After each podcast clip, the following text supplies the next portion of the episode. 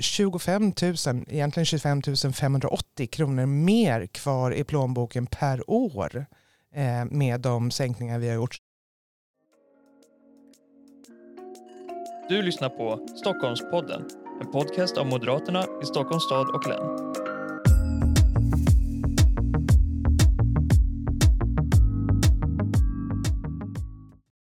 Hej och välkomna till den nya upplagan av Stockholmpodden.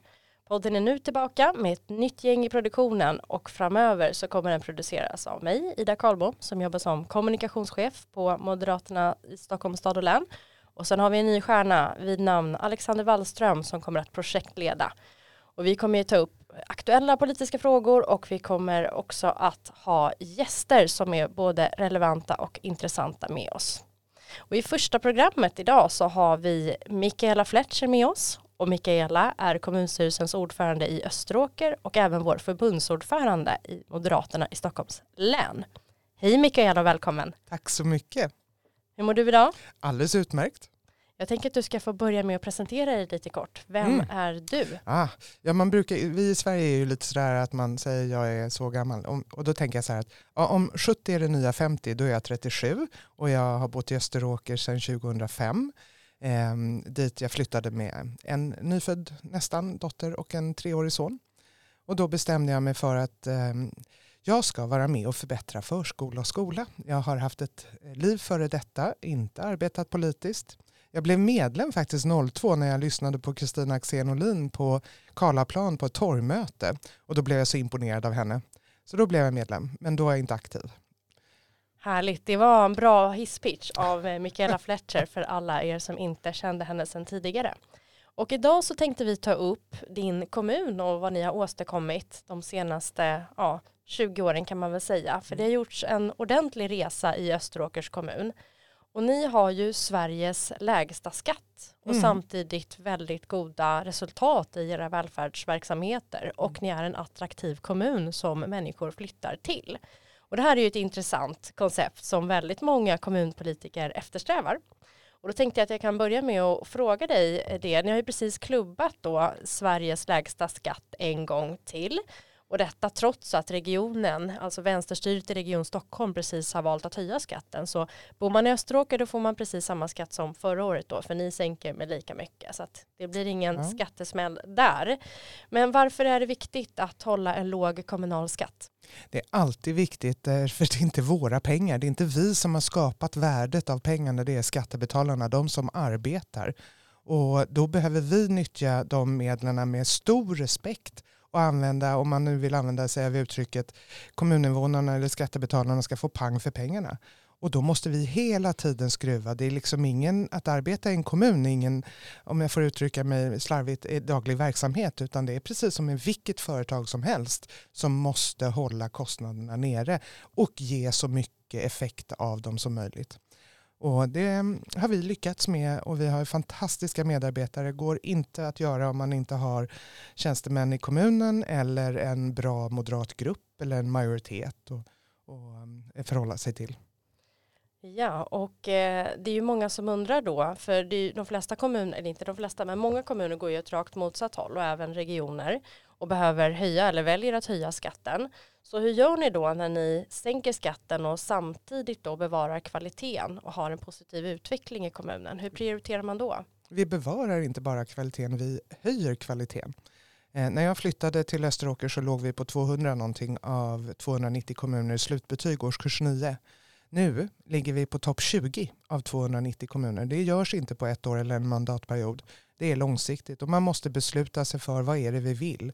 Måste ha en politisk vilja och hålla fast och kanske modig också. Jag tror att, eh, jag vet inte om jag känner mig särskilt modig men jag tror att jag är rätt fast besluten om vilken vision vi har tillsammans i den moderata gruppen och när vi sen arbetar med de övriga partierna i vår majoritet som är Centern, Liberalerna, Centern och KD eh, så kör vi med, eller jag kör med öppna kort. Jag har ingen dold agenda och det bygger respekt och tillit och då får vi också en förståelse. Jag ser till att alla har samma grundutbildning om vi säger så i kommunal ekonomi. Och vi har en långsiktig ekonomisk plan som sträcker sig över tio år. Och den uppdaterar vi numera två gånger per mandatperiod eftersom det händer rätt mycket runt om i världen i ekonomi. Ehm, och vi eh, har kanske, ska vi säga framgångsfaktoren är att vi har varit väldigt tydliga med att det är politiken som äger budgeten. Det är inte så att det kommer några äskanden från de olika förvaltningarna. Utan eh, vill man och behöver man göra justeringar eh, för att det finns lagändringar eller nya sätt att arbeta, ja då vi, vi, har vi också sagt att man måste komma med vad kan vi sluta med? Vad är det vi inte behöver göra? Och sen alltid, alltid titta på personal och medarbetare. Det är ju det som kostar pengar i administrativa verksamheter vill säga. Ja, och de här äh, skattesänkningarna som ni har, de, varför, varför gynnar kommunala skattesänkningar framförallt låg och medelinkomsttagare? Men eftersom låg och medelinkomsttagare och pensionärer med låg pension inte betalar någonting annat än kommunalskatt och regionskatt. Det är ju först när man kommer över 57 000 någonting som man behöver betala statlig inkomstskatt då är det just den kommunala skatten och regionskatten som avgör hur mycket pengar man får behålla eh, efter eh, skatten i dragen eller det som vi har då utdebiterat.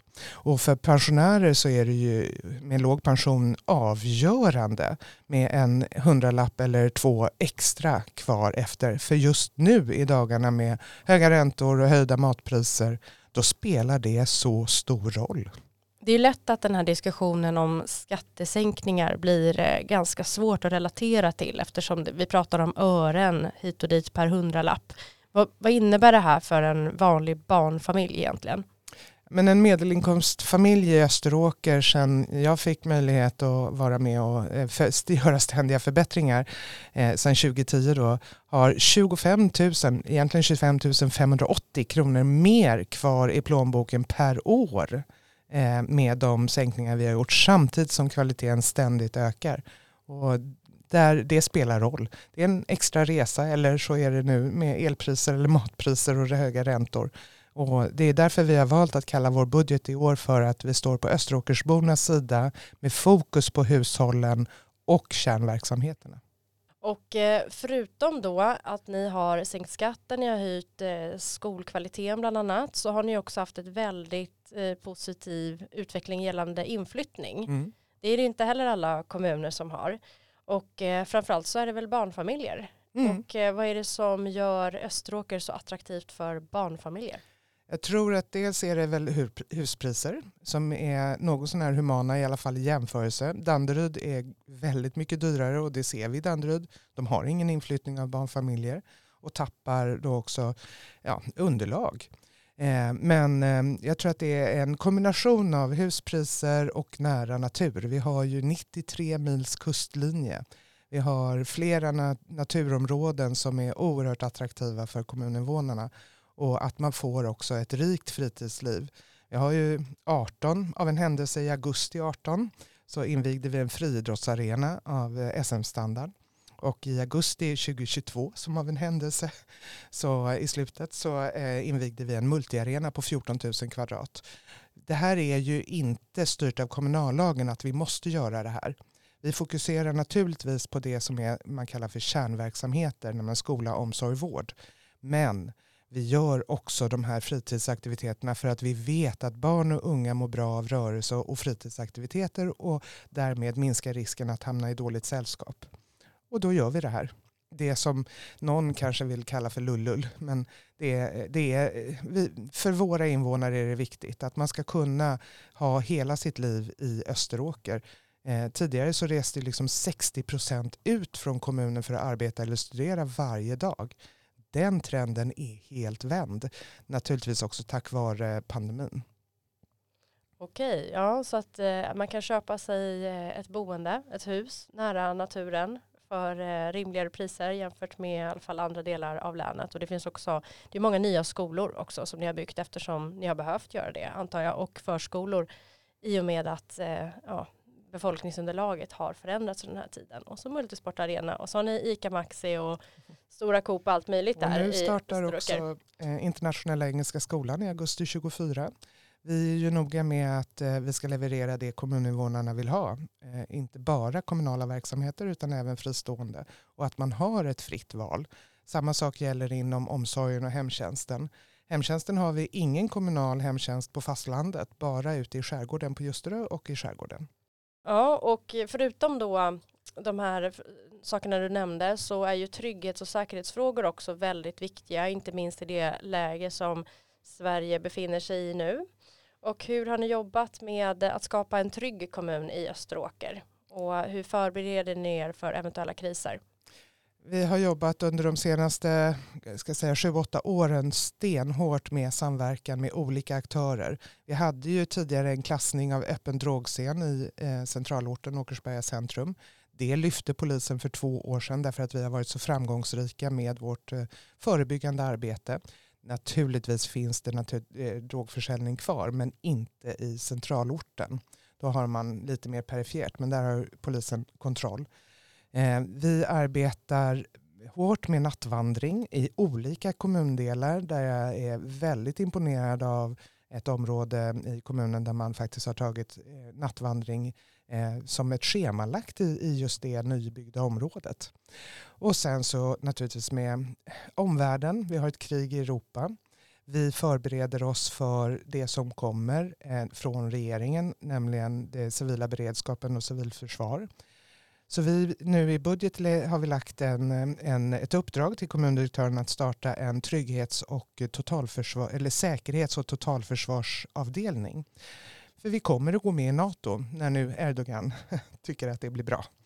Ehm, och då behöver vi hjälpa kommuninvånarna att bli försvarsberedda. Det är ju inte staten, det vill säga riksdagen eller regeringen eller försvaret som går med i NATO det är ju vi i Sverige. Vi ska vara beredda att försvara vårt eget land eh, och även andra medlemsländer. Det har vi inte varit med om. När värnplikten har avskaffats då, då, eh, sedan många år tillbaka då finns inte den eh, ska vi säga, incitamentet eller viljan eller förståelsen. Och det, vi måste börja om från, från början. Och då gör vi den här säkerhets och totalförsvarsavdelningen för att kunna stärka och vara förberedda för när vi får direktiv från regeringen och MSB. Det låter som ett väldigt målinriktat och framgångsrikt arbete som ni har bedrivit de här senaste 10-20 åren i Österåker. Men ingen framgång utan motgångar skulle jag säga. Har du stött på några hinder på vägen? Naturligtvis säkert jättemånga men nu, jag brukar glömma sånt som är eh, tråkigt och jobbigt och jag är väl mer en eh, kanske mer positivt lagd och lägger inte energi på det som har varit annat än att jag lär mig av eh, eventuella misstag. Det är klart att vi har stött på patrull när det gäller vissa detaljplaner. Just nu har vi ett ärende som vi prövar i, till Mark och miljööverdomstolen, vilket är det här är ju eh, lite märklig gång. Staten säger till oss att vi ska bygga, bygga, bygga därför att det behövs fler bostäder i Stockholms län. Och då tar vi fram detaljplaner men sen så kommer det någon som kan överklaga i det här fallet eh, Naturskyddsföreningen. Eh, och, och, då får vi inte. Eh, därför att Mark och miljödomstolen har sagt nej på grund av jordbruksmark som inte är direkt brukbar. Och här är ju dilemmat eh, när man frågar de som eh, tycker att den här marken ska vara kvar. Just i det här fallet så är den inte särskilt bördig. I den här regionen är inte marken särskilt bördig. Ehm, men ehm, vad, vad, tänker de sig? Ska man tvinga någon jordbrukare att bedriva jordbruk eller ska man ha kommunala jordbruk? Men det tycker de ju inte. Så det finns ingen konsekvens i det här och vi måste ta ett gemensamt grepp över länet och regionen för att se var ska vi ha denna brukbara mark. Vi har ju en mängd olika ska vi säga, förbud när det gäller riksintressen och jordbruksmark. Det har blivit mycket svårare att bygga det är sånt som, som eh, eh, upptar en del av min tid för eh, att utveckla Österåker. Och där var, det var ju också frågor som tog upp på Moderaternas partistämma för inte så länge sedan där vi ändå fick med oss ett antal viktiga beslut mm. hem, eller hur? Och det som är kanske för vår del med 93 mils kustlinje och 1100 öar så tycker vi ju sådär om strandskyddet. Då fick du med det också. Strandskyddet är en riktig fana som ni bär mm. med stolthet i Österåker resa. Jag vet att du får en del besök till Österåker där man vill titta på hur ni har gjort mm. och man kan lära sig lite av er. Mm. Ja, det är många som hör av sig och vill komma på studiebesök och det, det, det är ju fantastiskt roligt att de vill komma och lära av oss. Men vi gör ju bara för att vi gör och vi tycker, varför vi tycker så här och att det har blivit så bra. Men vi kan ju liksom inte ha eh, två studiebesök i veckan. Och eftersom det är från hela landet tjänstemän och politiker av olika färg eh, då kommer vi att i april-maj från kommunen ha en eh, ekonomi, kvalitet och framtidsdag där vi bjuder in de som vill. De får naturligtvis betala för det.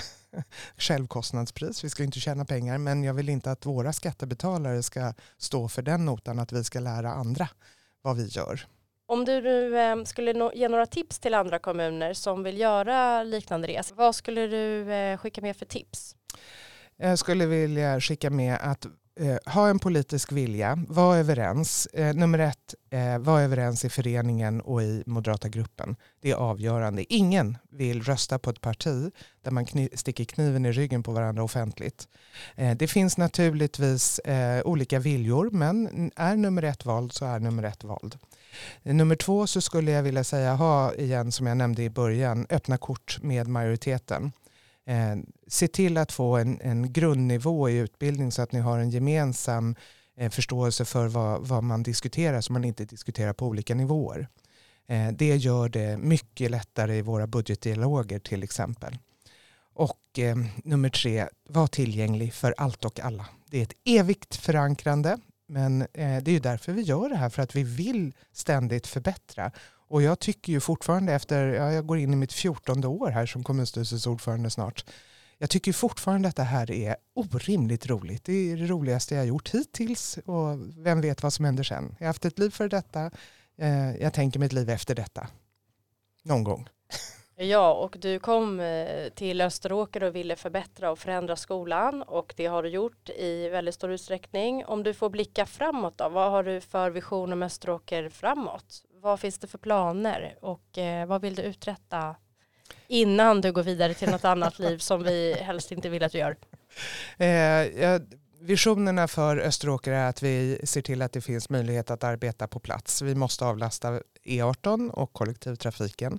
Vi har ju tagit en, eh, en eh, översiktsplan där vi ska bli 70-75 000 invånare 2040. Eh, det är ganska snart, tiden går fort. Ehm, men eh, jag ser framför mig att vi får en levande stad där vi, om man nu vill kalla det för 15 minuters staden, vi måste bygga hållbart och vi måste bygga för eh, framtiden. Och då är det allt som ingår i hållbarhet, det är social, ekonomisk och ekologisk hållbarhet, det är allt det som ska ingå. Ehm, jag ser framför mig att vi stärker våra medarbetare ytterligare. Vi har jobbat hårt med ledarskap ute i alla led.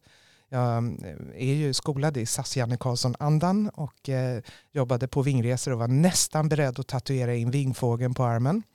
Därför att jag var så stolt över min arbetsgivare. Eh, och där är vi nästan nu. Vi har medarbetare som, där ledarskapet har stärkt, där medarbetare som möter våra de skattebetalare och de som använder våra verksamheter det skulle inte förekomma nu att man talar om hur eh, att man går på knäna och det gör de ju inte heller. Men eh, att man, eh, om man säger, eh, talar illa om sin arbetsgivare. Och det, kan man, det gör man bara om man tycker att arbetsgivaren är bra. Och där är vi. Nu har man till och med plockat fram gnuggisar med kommunvapnet.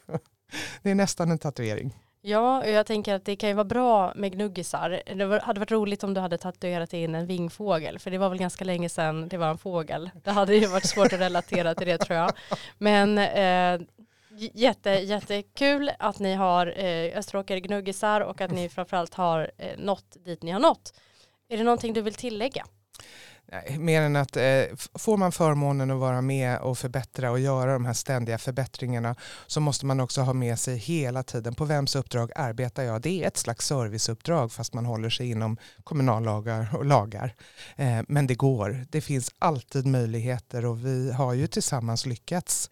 Men det gör man inte ensam utan det gör man när man bygger ett bra lag.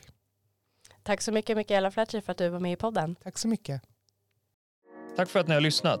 Glöm inte att prenumerera på podden för att inte missa när nya avsnitt släpps. Om du vill komma i kontakt med oss och tipsa om något du vill höra i podden så kan du mejla oss på stockholm.moderaterna.se.